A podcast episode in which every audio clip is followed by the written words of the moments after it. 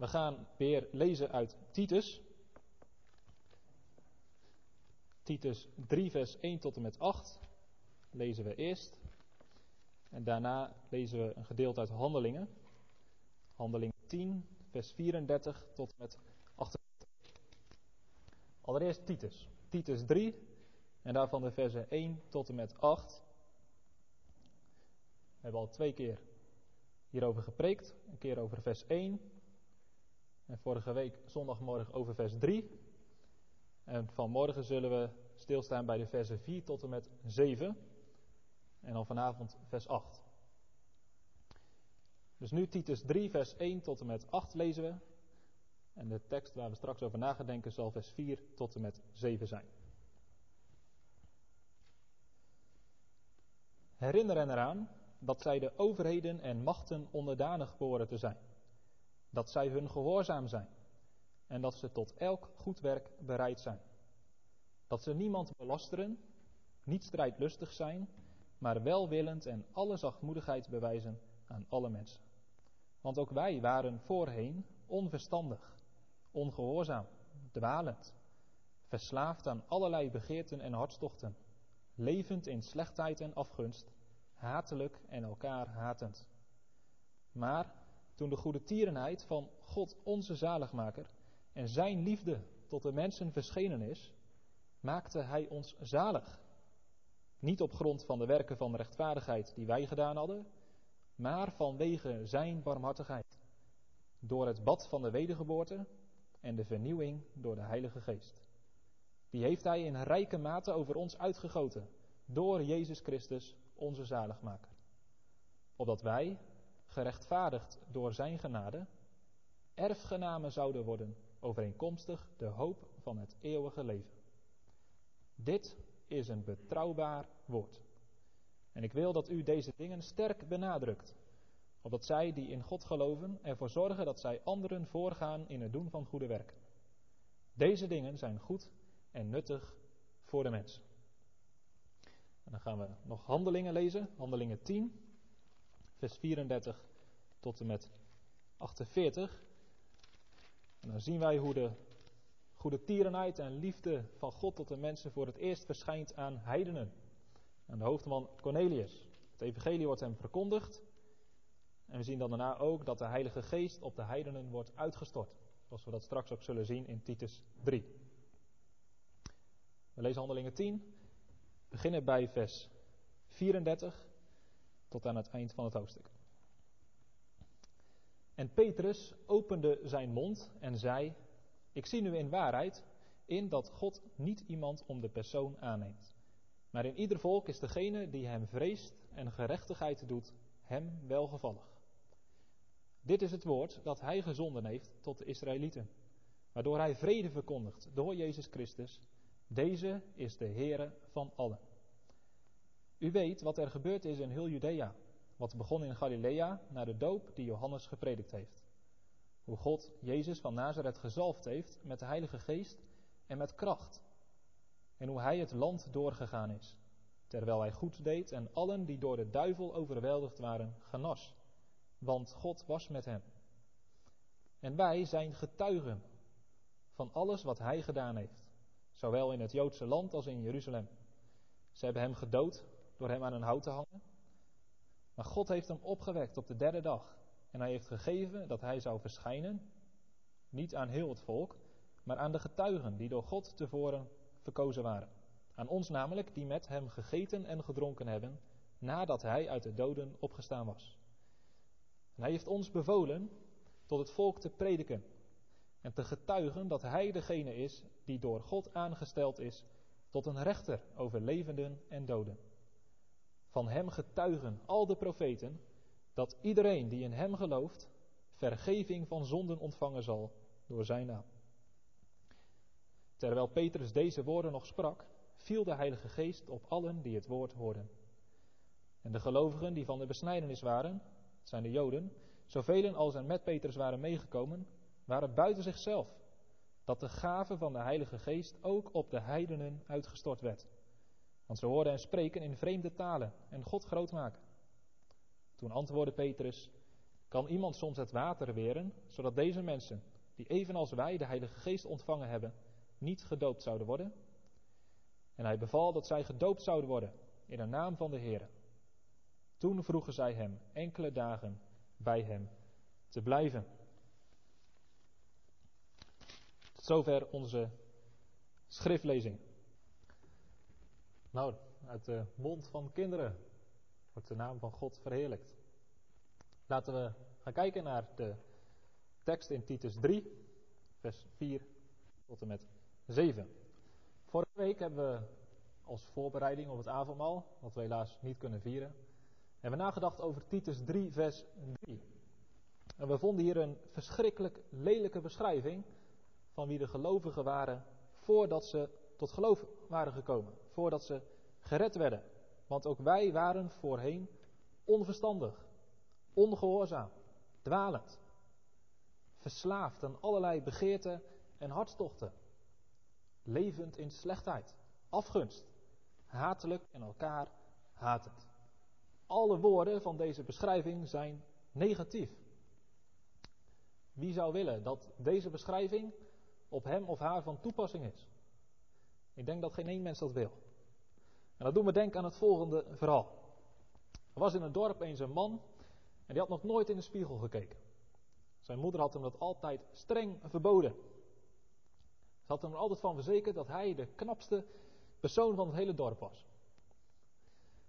Op een hele feestelijke dag kwam er een beroemde portretschilder naar dat dorp. En ter gelegenheid wilde hij tien dorpsgenoten schilderen die het meest bijzondere gezicht hadden. Nou, onze man die was er als de kippen bij. Hij wilde graag geschilderd worden. Hij was immers ontzettend knap.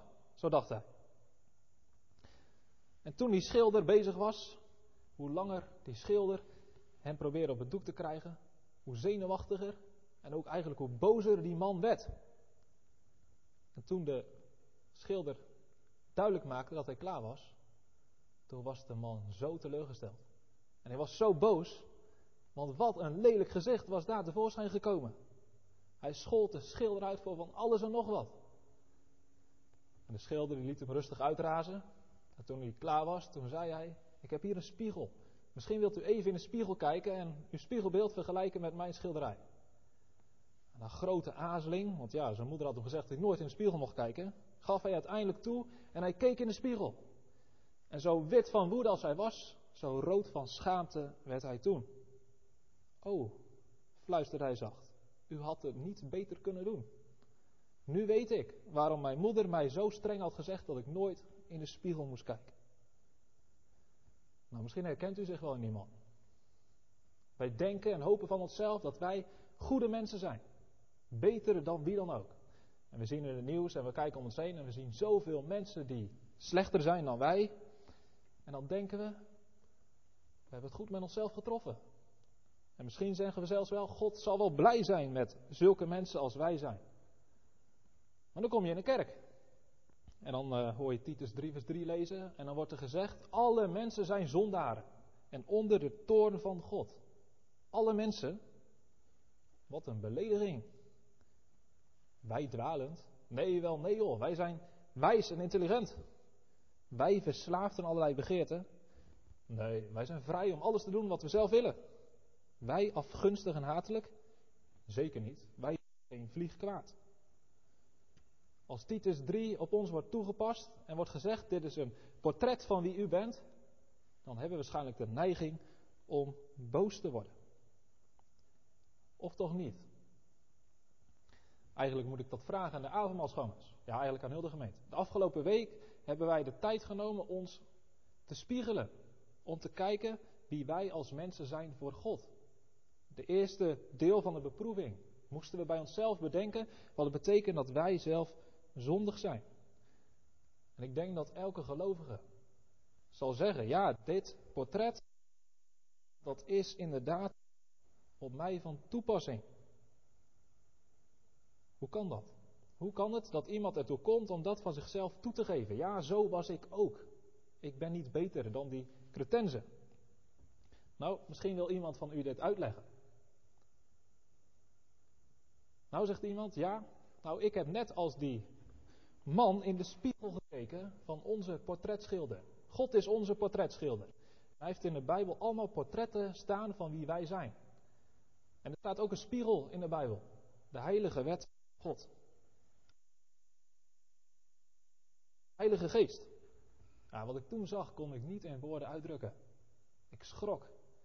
Wat een lelijke zondaar was ik. En toen ik Titus 3 vers 3 las, dacht ik, ja, dit is een perfect portret van wie ik ben voor God.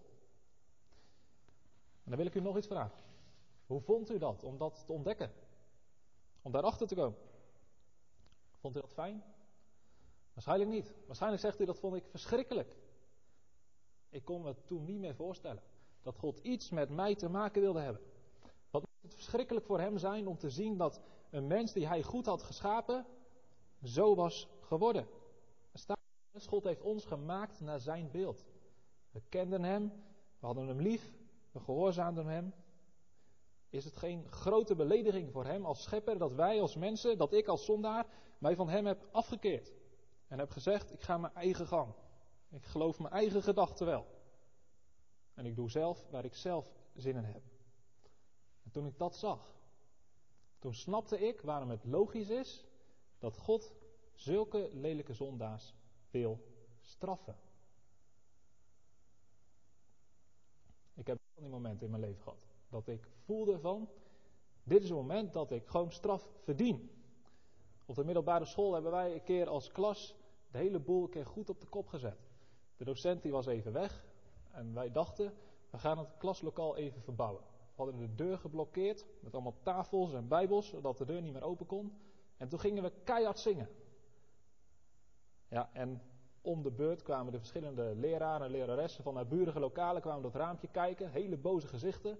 Ja, ze konden niks beginnen, want de deur was geblokkeerd. En toen, na een kwartier of zo, toen dacht als klas, oeh, misschien is het toch niet zo handig wat we hebben gedaan. En we gingen heel snel alles weer rechtzetten, spullen voor ons zitten en heel braaf doen alsof we hard aan het werk waren. Wachten tot de docent weer terugkwam. Maar die kwam niet, maar de teamleider kwam wel. En toen wisten we, wij verdienen straf. En die kregen we ook. Nou, op het moment dat wij inzien dat we zondig zijn, dan voelen we haar fijn aan. We hebben een probleem met God. Als God heilig en rechtvaardig is. En zo is Hij. Dan hebben wij een probleem. Wij verdienen straf. Een overtuigde zondaar is daarom ook bang voor God. Net zo bang als een dief voor de politie. En net zo bang als een crimineel voor de rechter. We hebben de neiging om met Adam en Eva weg te vluchten voor God, om ons te verstoppen voor Hem. In de hoop dat Hij ons niet ziet. In de hoop dat wij uit Zijn handen kunnen blijven. Want, zegt de Bijbel in Hebreeën, vreselijk is het om te vallen in de handen van een verterend vuur. Herkent u die angst? Misschien als u nadenkt over de dood, dat u moet sterven en voor God verschijnen. En misschien ook wel bij het avondmaal. De angst dat u daar niet mag zitten. De angst dat u het niet waard bent. De angst dat u te maken hebt met een God die alleen maar boos en toornig op u kan zijn. Vanmorgen gaan we ontdekken dat God meer is. Dat God niet alleen heilig en rechtvaardig is, maar dat God nog veel meer is. En het is nodig dat we dat weten. Anders zijn we net als een hond die ik ooit ontmoette bij mensen. Die hond die was bij die mensen gekomen en dat was niet zijn eerste plek. Hij had vroeger een baasje gehad die hem mishandelde. En die hond was ontzettend schuw geworden voor mensen. En ik probeerde hem te aaien, maar met de staart in de poten kroop hij weg. Hij was schuw geworden voor mensen, omdat hij een verkeerd beeld had gekregen door zijn vorige baasje. Nou, misschien zijn wij soms wel van die schuwe honden omdat wij denken dat God ons alleen maar kan straffen in zijn toorn. Dat verdienen we. En God is rechtvaardig. Maar vanmorgen zien we dat God meer is dan dat. God is niet alleen heilig en rechtvaardig, niet alleen een God die de zonde haat en straft. Hij is ook een God. Zoals hij zegt tegen Mozes. Lees het voor, Exodus 34. Hij zegt tegen Mozes: Ik ben barmhartig en genadig geduldig en rijk aan goede tierenheid en trouw. Die goede tierenheid blijft bewijzen aan duizenden, die ongerechtigheid overtreding en zonde vergeeft. Nou, als u dat hoort, springt uw hart niet op van vreugde. We hebben een God die zo genadig is dat Hij onze zonden wil vergeven. Ja, zegt u, maar die tekst die gaat verder. Want er staat daarna wie de schuldige beslist niet onschuldig houdt. Hoe kan dat nou? Dat God enerzijds zegt, ik wil de zonde vergeven, en tegelijk zegt, ik kan de schuldige niet onschuldig houden. Als God allebei is. Als God nou en rechtvaardig is en de zonde niet ongestraft kan laten, en God is genadig en wil de zonde dus vergeven, hoe weet je nou wie God voor jou wil zijn? Hoe weet je nou hoe God tot ons komt? Komt Hij nou tot ons als een rechtvaardige God die ons komt straffen? Of komt Hij tot ons in zijn genade en wil Hij ons alles vergeven?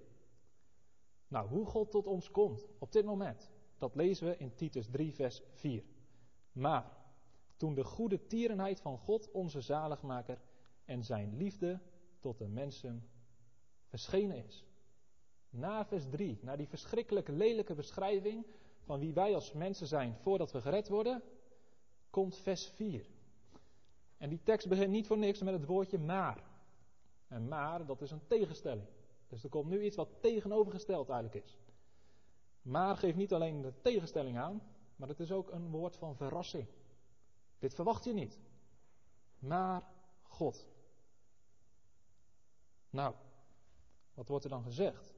In plaats dat God zich openbaarde in zijn heilige toren, in plaats dat God zich openbaart in zijn rechtvaardigheid, staat hier: God verscheen in zijn goede tierenheid en zijn liefde tot de mens. Het woord goede tierenheid wordt vaak in de Bijbel gebruikt. En misschien is het makkelijkst om te onthouden dat dat te maken heeft met vriendelijkheid. Zo kun je het ook vertalen. Dus God is vriendelijk. Hij komt tot ons als een vriend. En daarnaast wordt er gesproken over zijn liefde tot de mensen. In het Grieks staat hier één woord. Hier staat mensenliefde. God heeft mensenliefde. En God heeft zowel zijn vriendelijkheid als zijn mensenliefde laten verschijnen. Dat is verschenen. Dat betekent het is duidelijk geopenbaard, het is duidelijk aangetoond. Nou, vandaag is het Valentijnsdag. Ze zeggen dat dat de aangewezen dag is om de ander te laten merken, voor het eerst of opnieuw, dat je van hem of haar houdt. Nou, hoe doe je dat? Hoe ga je de ander duidelijk maken, ik hou van jou? Nou, misschien schrijf je een kaartje. Bosbloemen was het dit jaar te koud voor, begreep ik. Misschien heb je om te laten merken, ik hou van jou. Nou, als God mensenliefde heeft, als God van ons als mensen houdt, zelfs als zondaren, hoe maakt God ons dat duidelijk? Hoe gaat God aan ons zijn liefde tonen? Nou, dat staat in Johannes 3, vers 16. Bekende tekst. Johannes 3, vers 16 zegt: Want zo lief heeft God de wereld gehad. En er komt dat Hij zijn enige geboren zoon gegeven heeft. Als blijk van zijn liefde, als bewijs dat God ons lief heeft, heeft Hij het grootste, het meest dierbare, het heerlijkste wat Hij had, aan ons gegeven. Een groter cadeau had Hij niet kunnen geven. Hij gaf zijn enige geboren zoon. En dat geloven wij, dat God zijn zoon heeft gestuurd naar deze aarde om ons te redden. In het avondmaalsformulier, als het gaat om het, wat we moeten doen aan het avondmaal, dan staat er als eerst, wij vertrouwen allereerst in ons hart en volle dat onze Heer Jezus Christus, volgens de belofte die vanaf het begin aan de vaderen in het Oude Testament gedaan zijn, door de Vader in deze wereld is gezonden. Wij geloven dat Jezus niet zomaar een mens is. Nee, wij geloven dat Hij de enige geboren zoon van God is, die door Hem naar de aarde is gestuurd. En wij geloven dat omdat de profeten dat duidelijk hebben gezegd en door de apostelen, het Nieuw Testament, duidelijk wordt verkondigd. Jezus Christus is naar de aarde gestuurd om ons te laten merken dat God ons lief heeft. En waarom moest Jezus daarvoor naar de aarde? Dan lees ik nog een stukje uit het avondmaalsformulier. Daar staat: De toren van God tegen de zonde is zo groot dat hij die niet ongestraft wilde laten. Maar hij heeft de straf daarvoor door de bittere en smadelijke kruisdood voltrokken aan zijn lieve zoon Jezus Christus. Dat is heel belangrijk vanmorgen. Dat aan het kruis God heel veel van zichzelf laat zien. Hij laat eerst aan het kruis zien dat hij heilig en rechtvaardig is. Het kruis is het bewijs dat God de zonde niet ongestraft wil laten. Maar het kruis is ook het bewijs dat God ons zo lief heeft dat hij de zonde ons niet wil toerekenen, maar dat hij bereid is om zijn eigen zoon in onze plaats de straf te laten dragen. En dat staat letterlijk in Romeinen 5. God bewijst zijn liefde voor ons hierin dat Christus voor ons gestorven is toen wij nog zondaars waren. Wat geweldig. Als ons afvragen hoe kan het dat God enerzijds de zonde niet ongestraft kan laten, omdat hij rechtvaardig is. Terwijl hij ook zegt dat hij genadig is en de zonde wil vergeven. Het antwoord vinden we aan het kruis. Hier bewijst God zijn rechtvaardigheid. En hierin, aan het kruis, bewijst God ook zijn liefde. Voor ons. Jezus stierf voor ons om ons het leven te geven. Daar staat ook een prachtig gedeelte over in het avondmaalsformulier. Dat ga ik ook lezen. Wat het betekent dat Jezus in onze plaats de straf wilde dragen. Zodat God ons genadig kan zijn. Hij, dat is Jezus, is onschuldig ter dood veroordeeld.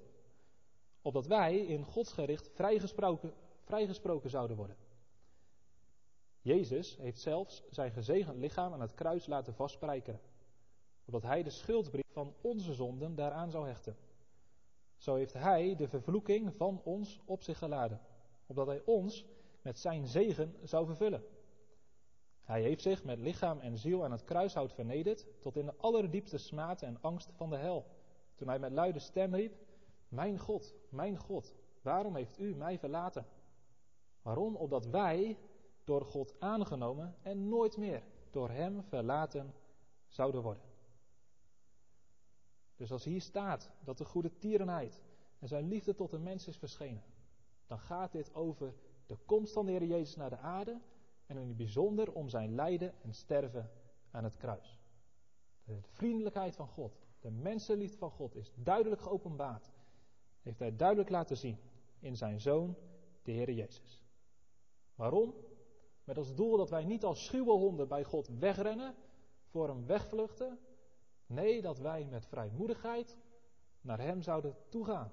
Ons tot hem bekeren en aan hem ons toevertrouwen. Twijfelt u of God u genadig wil zijn? Vraagt u zich af of God alle zonden van u wil vergeven? Dan moet u kijken naar de Heer Jezus. Want Jezus zegt: Wie mij heeft gezien, die heeft de Vader gezien. Wie mij ziet, die ziet de vriendelijkheid en de liefde van God. En ik ga één voorbeeld van jullie noemen, kinderen. Misschien zijn jullie er ook al mee bezig. Wil God mij wel? Kan ik gered worden? Hoe kom ik in de hemel? En ik dacht zelf als kind dat God niet zo bezig was met kinderen. Dat God zich vooral richt op volwassene mensen. Op mensen die groot zijn. Maar is dat zo? Houdt God niet van kinderen? Nou zeker wel. Kijk maar naar de Heer Jezus. Luister wat Hij zegt. Hij zegt bijvoorbeeld: Laat de kinderen tot mij komen. En verhinder hen niet. Hou ze niet tegen. Want voor hen is het koninkrijk van God. Niemand hield zoveel van kinderen als Jezus. Hij liet ze tot ze komen. Hij zegende ze. En daardoor mag jij weten dat God ook van jou houdt. Ook al ben je nog een kind. Ook al ben je klein. En denk je misschien, ik kan niks voor hem doen. God houdt ook van kinderen. En als je naar hem komt, vergeving vraagt over je zonde. Als je je vertrouwen, stelt op de Heer Jezus. Dan zal God je alles vergeven. Kijk naar de Heer Jezus. Dat kunnen we doen door de Bijbel te lezen. Te luisteren wat de Heer Jezus heeft gezegd. We kunnen het ook doen door naar het avondmaal te gaan. In het avondmaal worden wij opgeroepen onze gedachten te richten op Jezus, om te zien op Hem, om te denken aan alles wat Hij heeft gedaan voor ons. Weer in het bijzonder, denken aan Zijn lijden en sterven. Als je dat brood ziet en dat brood tot je neemt, dan moet je denken aan het lichaam van de Heer Jezus, dat hing aan het kruis. Als je de wijn neemt en daar een slokje uit drinkt, dan moet je denken aan het bloed van de Heer Jezus, dat gestort is op Golgotha, om onze zonde te vergeven. In het avondmaalsformulier staat het zo. Zo dikwijls als u van dit brood eet, en elke keer als u deze drinkbeker drinkt, wordt u door dit betrouwbare teken en onderpand herinnerd aan en verzekerd van mijn hartelijke liefde en trouw voor u. Want ik geef voor u mijn lichaam aan het kruishout, over in de dood, en vergiet mijn bloed voor u, omdat u anders de eeuwige dood had moeten sterven. Als we nadenken over het evangelie, dat God ons alles wil vergeven, ons het eeuwige leven wil schenken, dat is bijna onmogelijk om te geloven. En als je dan ook nog ziet wie wij zijn als zondaren, dan is het eigenlijk niet mogelijk om te denken dit is waar. En daarom geeft Jezus ons het avondmaal. Om ons hart en ons vertrouwen, ons geloof te richten op Hem. Om niet te zien op onszelf, op onze zonden, op onze tekorten, maar om te kijken naar Hem en Zijn volbrachte werk. Dat is het enige fundament van onze zaligheid. En als we daar onze gedachten op richten, als we daar ons geloof op richten, dan wordt al onze twijfel weggenomen. En dan wordt ons geloof versterkt.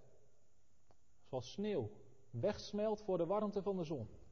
Zo zal onze twijfel wegsmelten voor de warmte en de liefde van de Heer Jezus aan het kruis. Als een plantje gaat groeien door de warmte van de zon. Zo zal ons geloof ook groeien als we ons warmen aan de liefde van de Heer Jezus aan het kruis voor ons. De goede tierenheid van God en zijn liefde tot de mensen is verschenen. dat is dus 2000 jaar geleden. Want toen was Jezus op de aarde. En toen stierf hij aan het kruis. Dus 2000 jaar geleden heeft God laten zien dat hij vriendelijk is. En mensenliefde heeft. Maar wij leven veel later. Is dat geen probleem voor ons? Is God niet veranderd?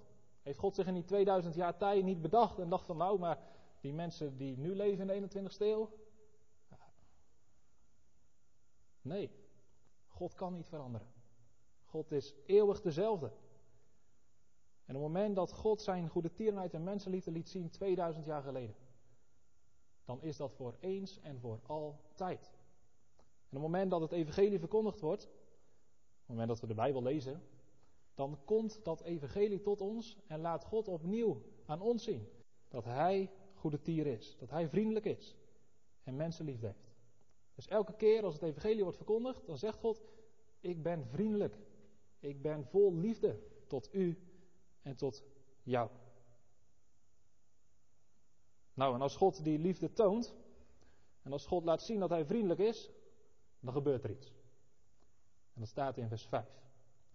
Toen dat gebeurde, toen God elke keer als God zijn vriendelijkheid en liefde tot mensen laat zien, staat er in vers 5, toen maakte Hij ons zalig.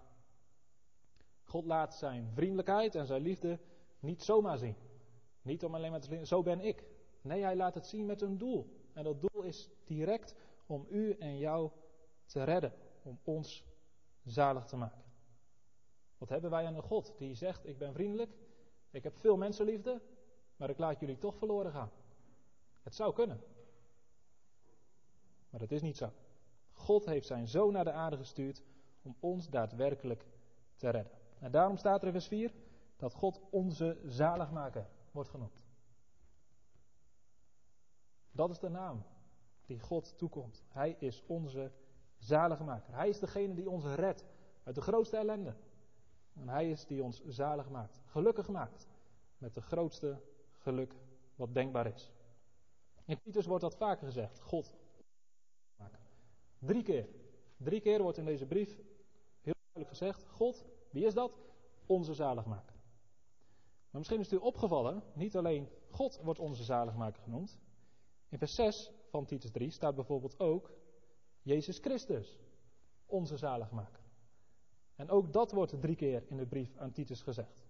Drie keer staat er in de brief, Jezus Christus, onze zaligmaker. En het is allebei waar. God is onze zaligmaker, omdat Hij zijn zoon heeft gegeven. En Jezus is onze zaligmaker, omdat Hij die zoon is. En omdat Hij zijn leven voor ons heeft opgeofferd. Nou, dan moeten we even opletten. In vers 5 maakt Hij ons zalig. En dan staat er niet op grond van de werken van de rechtvaardigheid die wij gedaan hadden, maar vanwege Zijn barmhartigheid. En dat is een tussenzin. Dat zijn twee zinnen die eigenlijk de regel onderbreken. De hoofdzin gaat verder daarna, door het bad van de wedergeboorte en de vernieuwing door de Heilige Geest. Dus eigenlijk moeten we die regel, maakte hij ons zalig, direct doorlezen. Maakte hij ons zalig door het bad van de wedergeboorte en de vernieuwing van de Heilige Geest. En die regels daartussen, die gaan we vanavond bekijken. Dat het niet op grond is van onze rechtvaardigheid, maar op grond van zijn barmhartigheid. En we gaan nu kijken naar hoe maakt God ons zalig. Hij maakt ons zalig door het bad van de wedergeboorte en de vernieuwing van de Heilige Geest. Hier wordt de Heilige Geest genoemd. We hebben net gezien, God de Vader is onze zaligmaker. We hebben ook gezien, Jezus is onze zaligmaker. Maar hier wordt de Heilige Geest genoemd. Welke rol heeft Hij in het redden van ons? De Vader stuurt zijn Zoon, de Heer Jezus sterft aan het kruis. En wat doet de Heilige Geest precies? Nou, worden in vers 5 twee belangrijke woorden genoemd. Door het bad van de wedergeboorte en de vernieuwing. De Heilige Geest. En dan moeten we even denken aan de preek van vorige week. Dan heb ik het voorbeeld gebruikt van een boerderij. Boerderij die een verwilderde tuin had en helemaal vervallen was. En wat gebeurde er? Die boer die daar weggegaan was, die kon die boerderij weer terugkopen. Nou, die boerderij is een beeld van ons als mensen. Wij zijn ook vervallen, gevallen zondaren met zondige harten. En God heeft ons teruggekocht door zijn zoon te laten sterven aan het kruis. En toen die boer die boerderij had teruggekocht, toen ging hij er wonen. En hij ging alles opknappen. Hij ging de tuin weer mooi maken, hij ging de boerderij weer opknappen. En dat doet God ook. Nadat hij ons gekocht heeft, met het bloed van zijn zoon Heer Jezus, gaat hij in ons wonen. En dat is de Heilige Geest. De Heilige Geest komt in harten van gelovigen wonen. Waarom? Om onze harten te vernieuwen, om al het onkruid eruit te halen, alle zonde eruit te halen, alle verkeerde begeerten. Om ons weer mooi te maken, om ons weer te helpen te leven tot eer van God. Daarom wordt de Heilige Geest aan gelovigen gegeven. Dat staat in vers 6. Ja, niet zomaar gegeven. Die heeft Hij in rijke mate over ons uitgegoten.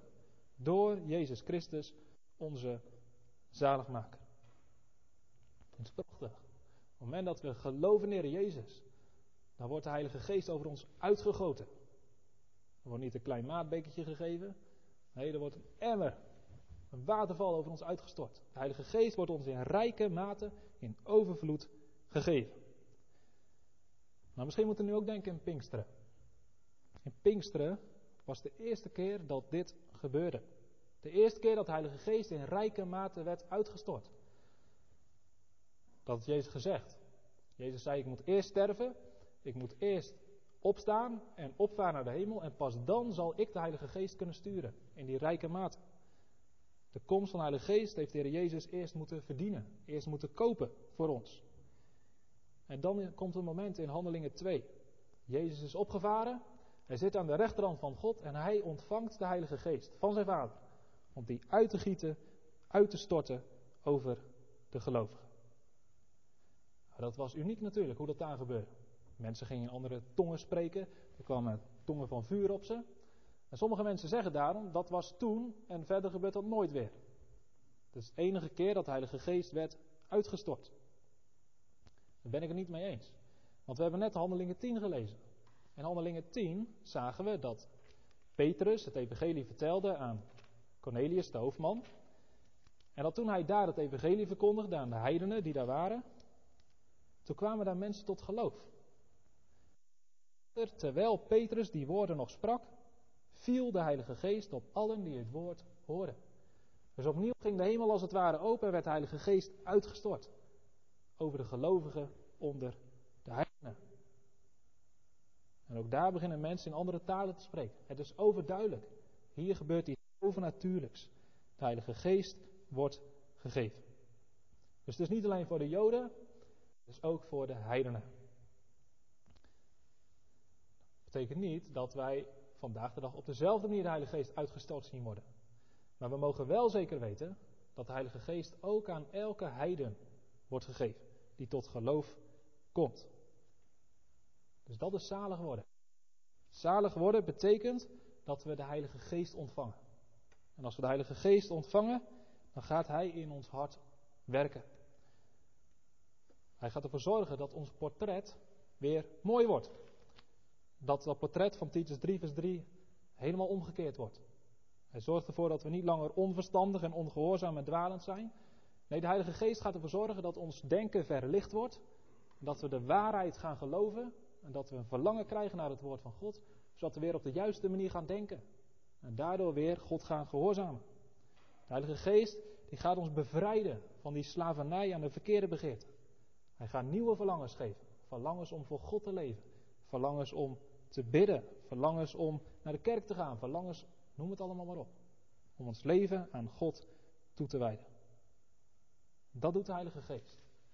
En dat betekent het als we zalig worden. Herkent u dat? Weet u in uw eigen leven van dat werk van de Heilige Geest? Dat Hij in uw hart is gekomen en dingen heeft vernieuwd en veranderd. En dat is echt nodig. In Romeinen 8 zegt Paulus: Als iemand de geest van Christus niet heeft, dan hoort hij niet bij Jezus. Met andere woorden, als we echt in Jezus geloven, als we daadwerkelijk ons vertrouwen op de Heer Jezus hebben gesteld, dan hebben we de Heilige Geest. En als we de Heilige Geest niet hebben, dan hebben we blijkbaar niet echt geloofd in de Heer Jezus. Dan moeten we ons bekeren en ons vertrouwen daadwerkelijk wel op Jezus stellen. Maar als we geloven in de Heer Jezus, dan komt Hij in ons hart. En dan zorgt Hij ervoor dat we daadwerkelijk breken met de zonde. En ons leven meer en meer gaan richten op het gehoorzamen en verheerlijken van God. Ik wil daar nog twee dingen over zeggen. Over dat werk van de Heilige Geest in ons hart. Dat is ontzettend belangrijk. Want elke gelovige zal herkennen dat de Heilige Geest in hem werkt. Maar zal ook herkennen dat de Heilige Geest lang niet altijd even sterk werkt. Lang niet altijd even krachtig. Er kunnen momenten zijn dat de Heilige Geest bijna afwezig lijkt. Dat de zonde weer sterk wordt in ons hart. Weer ruimte krijgt in ons leven. Dat het verlangen naar God zwak wordt. Dat we minder tijd nemen om de Bijbel te lezen, om te bidden. Dat dat diepe geloof, dat diepe vertrouwen, dat diepe verlangen, dat dat afneemt. En dan vragen we ons af, waar is die liefde van eerst? Waar is dat vuur? Waarom werkt de Heilige Geest niet zo krachtig als op andere momenten? En dat kan soms juist zijn rondom het avondmaal. Dat we denken, maar ik merk het werk van de Heilige Geest veel minder dan andere momenten. En dan gaan we twijfelen, toch? Dan kan dat zorgen voor grote twijfels. Nou, daarom is het belangrijk dat we weten hoe dat komt, hoe dat kan. En ook wat er tegen te doen is. De Heilige Geest maakt gebruik van middelen. Hij werkt door bepaalde middelen. Zijn vuur heeft brandhout nodig. Zijn vuur heeft zuurstof nodig. Nou, wat is dat brandstof? Wat is de zuurstof van het vuur van de Heilige Geest? Dat is allereerst het evangelie. Als een gelovige het evangelie hoort, als een gelovige hoort van de liefde van de Heer Jezus, die stierf aan het kruis, dan begint er hier als goed is iets te branden. Dan wordt dat vuur opgeport. Dan komt er voor ons weer datzelfde verlangen. Die liefde tot God. Het luisteren van het evangelie. Tweede, bijvoorbeeld, het ontmoeten van andere gelovigen. Als we horen, als we andere gelovigen ontmoeten en elkaar kunnen bemoedigen, kunnen uh, wijzen op God, dan is dat vaak tot versterking van ons geloof. En het derde wat ik noem is het avondmaal. Het avondmaal is ook daardoor gegeven dat de geest in onze harten kan werken. Om dat geloof te versterken, om ons verlangen weer aan te wakkeren. Gebruik er die middelen. Want als we hier laks in zijn, als we nalatig zijn in het lezen van de Bijbel, in de kerkgang, in het gebruik van het avondmaal, dan is het logisch dat het vuur langzaam uitdooft. We moeten de middelen gebruiken. En we moeten de middelen goed gebruiken. Dat is allereerst door geloof. We moeten dingen horen en ontvangen door geloof. Vertrouwen dat het ook daadwerkelijk voor ons geldt. Als we het horen en we bedenken het is niet waar, of het is voor mij, dan zijn we net als mensen die wel eten in hun mond nemen, maar het niet doorslikken en het niet verteren. We moeten als we het woord horen het tot ons nemen in geloof. Alleen dan kan het nut doen. Ten tweede moeten we waken tegen zonde. En, en streven om God te gehoorzamen in ons leven. De Heilige Geest kun je vergelijken met een duif. En op het moment dat we zonde doen, dan schrikt hij en vliegt hij weg. Maar als we gehoorzamen aan God, proberen te leven naar zijn wil, dan zal de Heilige Geest zich bij ons thuis voelen, op zijn gemak voelen. En zal die in ons met kracht werken. En het derde wat belangrijk is, als u zegt, ik merk de Heilige Geest niet altijd zo sterk, of misschien nu heel weinig, houd sterk aan in het gebed. De Heilige Geest wordt alleen gegeven aan degene die Hem van harte, zonder ophouden, daarom bidden en daarvoor danken, zegt een van de formulieren. Dus wij moeten aanhoudend bidden voor het werk van de Heilige Geest. En steeds weer danken als we merken dat de Heilige Geest in ons hart aan het werk is. Het tweede, en dan gaan we weer terug naar de tekst, naar vers 7. Dat heeft ook te maken met dat werk van de Heilige Geest. Want er staat het doel op dat, dus dat geeft het doel aan, waarom de Heilige Geest ons is gegeven. Opdat wij, gerechtvaardigd door zijn genade, erfgenamen zouden worden overeenkomstig de hoop van het eeuwige leven. De Heilige Geest heeft te maken met het feit dat we erfgenamen zijn. Een erfgenaam van het eeuwige leven. Nou, wanneer ben je een erfgenaam? In het dagelijks leven is het zo dat de erfenis naar familie gaat. Allereerst naar de kinderen en dan naar de verdere familie. En soms nog naar de verdere vrienden. Maar de erfenis is allereerst bedoeld voor de kinderen. Dus als hier staat dat wij erfgenamen worden door de Heilige Geest, hoe kan dat dan? Nou, er staat in Romeinen 8. Er staat dat als we de geest hebben, dat die geest, geest getuigt dat we kinderen van God zijn. Als die geest ons komt wonen, dan maakt die geest ons duidelijk dat we kinderen van God zijn. En als we kinderen van God zijn, dan zijn we dus erfgenamen. En dat is precies wat Titus 3 vers 7 zegt. We hebben de Heilige Geest ontvangen, opdat wij erfgenamen zouden worden. Nou, wat is die erfenis? Waarvan zijn we erfgenamen? Overeenkomstig de hoop van het eeuwige leven. De God die niet liegen kan, die heeft aan al zijn kinderen beloofd dat ze het eeuwige leven ontvangen. En Heilige Geest die laat ons dat eeuwige leven al een beetje proeven. Die zorgt ervoor dat we het al een beetje ervaren. Wat het betekent dat we eeuwig leven hebben. De Heilige Geest die verzekert ons ervan.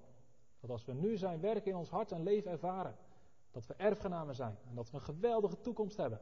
We mogen hopen op het eeuwige leven. De hemelse zaligheid.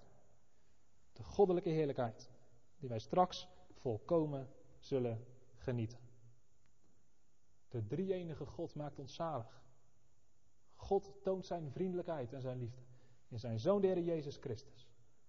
En als wij in de Heer Jezus geloven, als degene die voor ons gestorven is, voor ons is opgestaan, dan ontvangen wij de Heilige Geest, die ons verzekert van het eeuwige leven.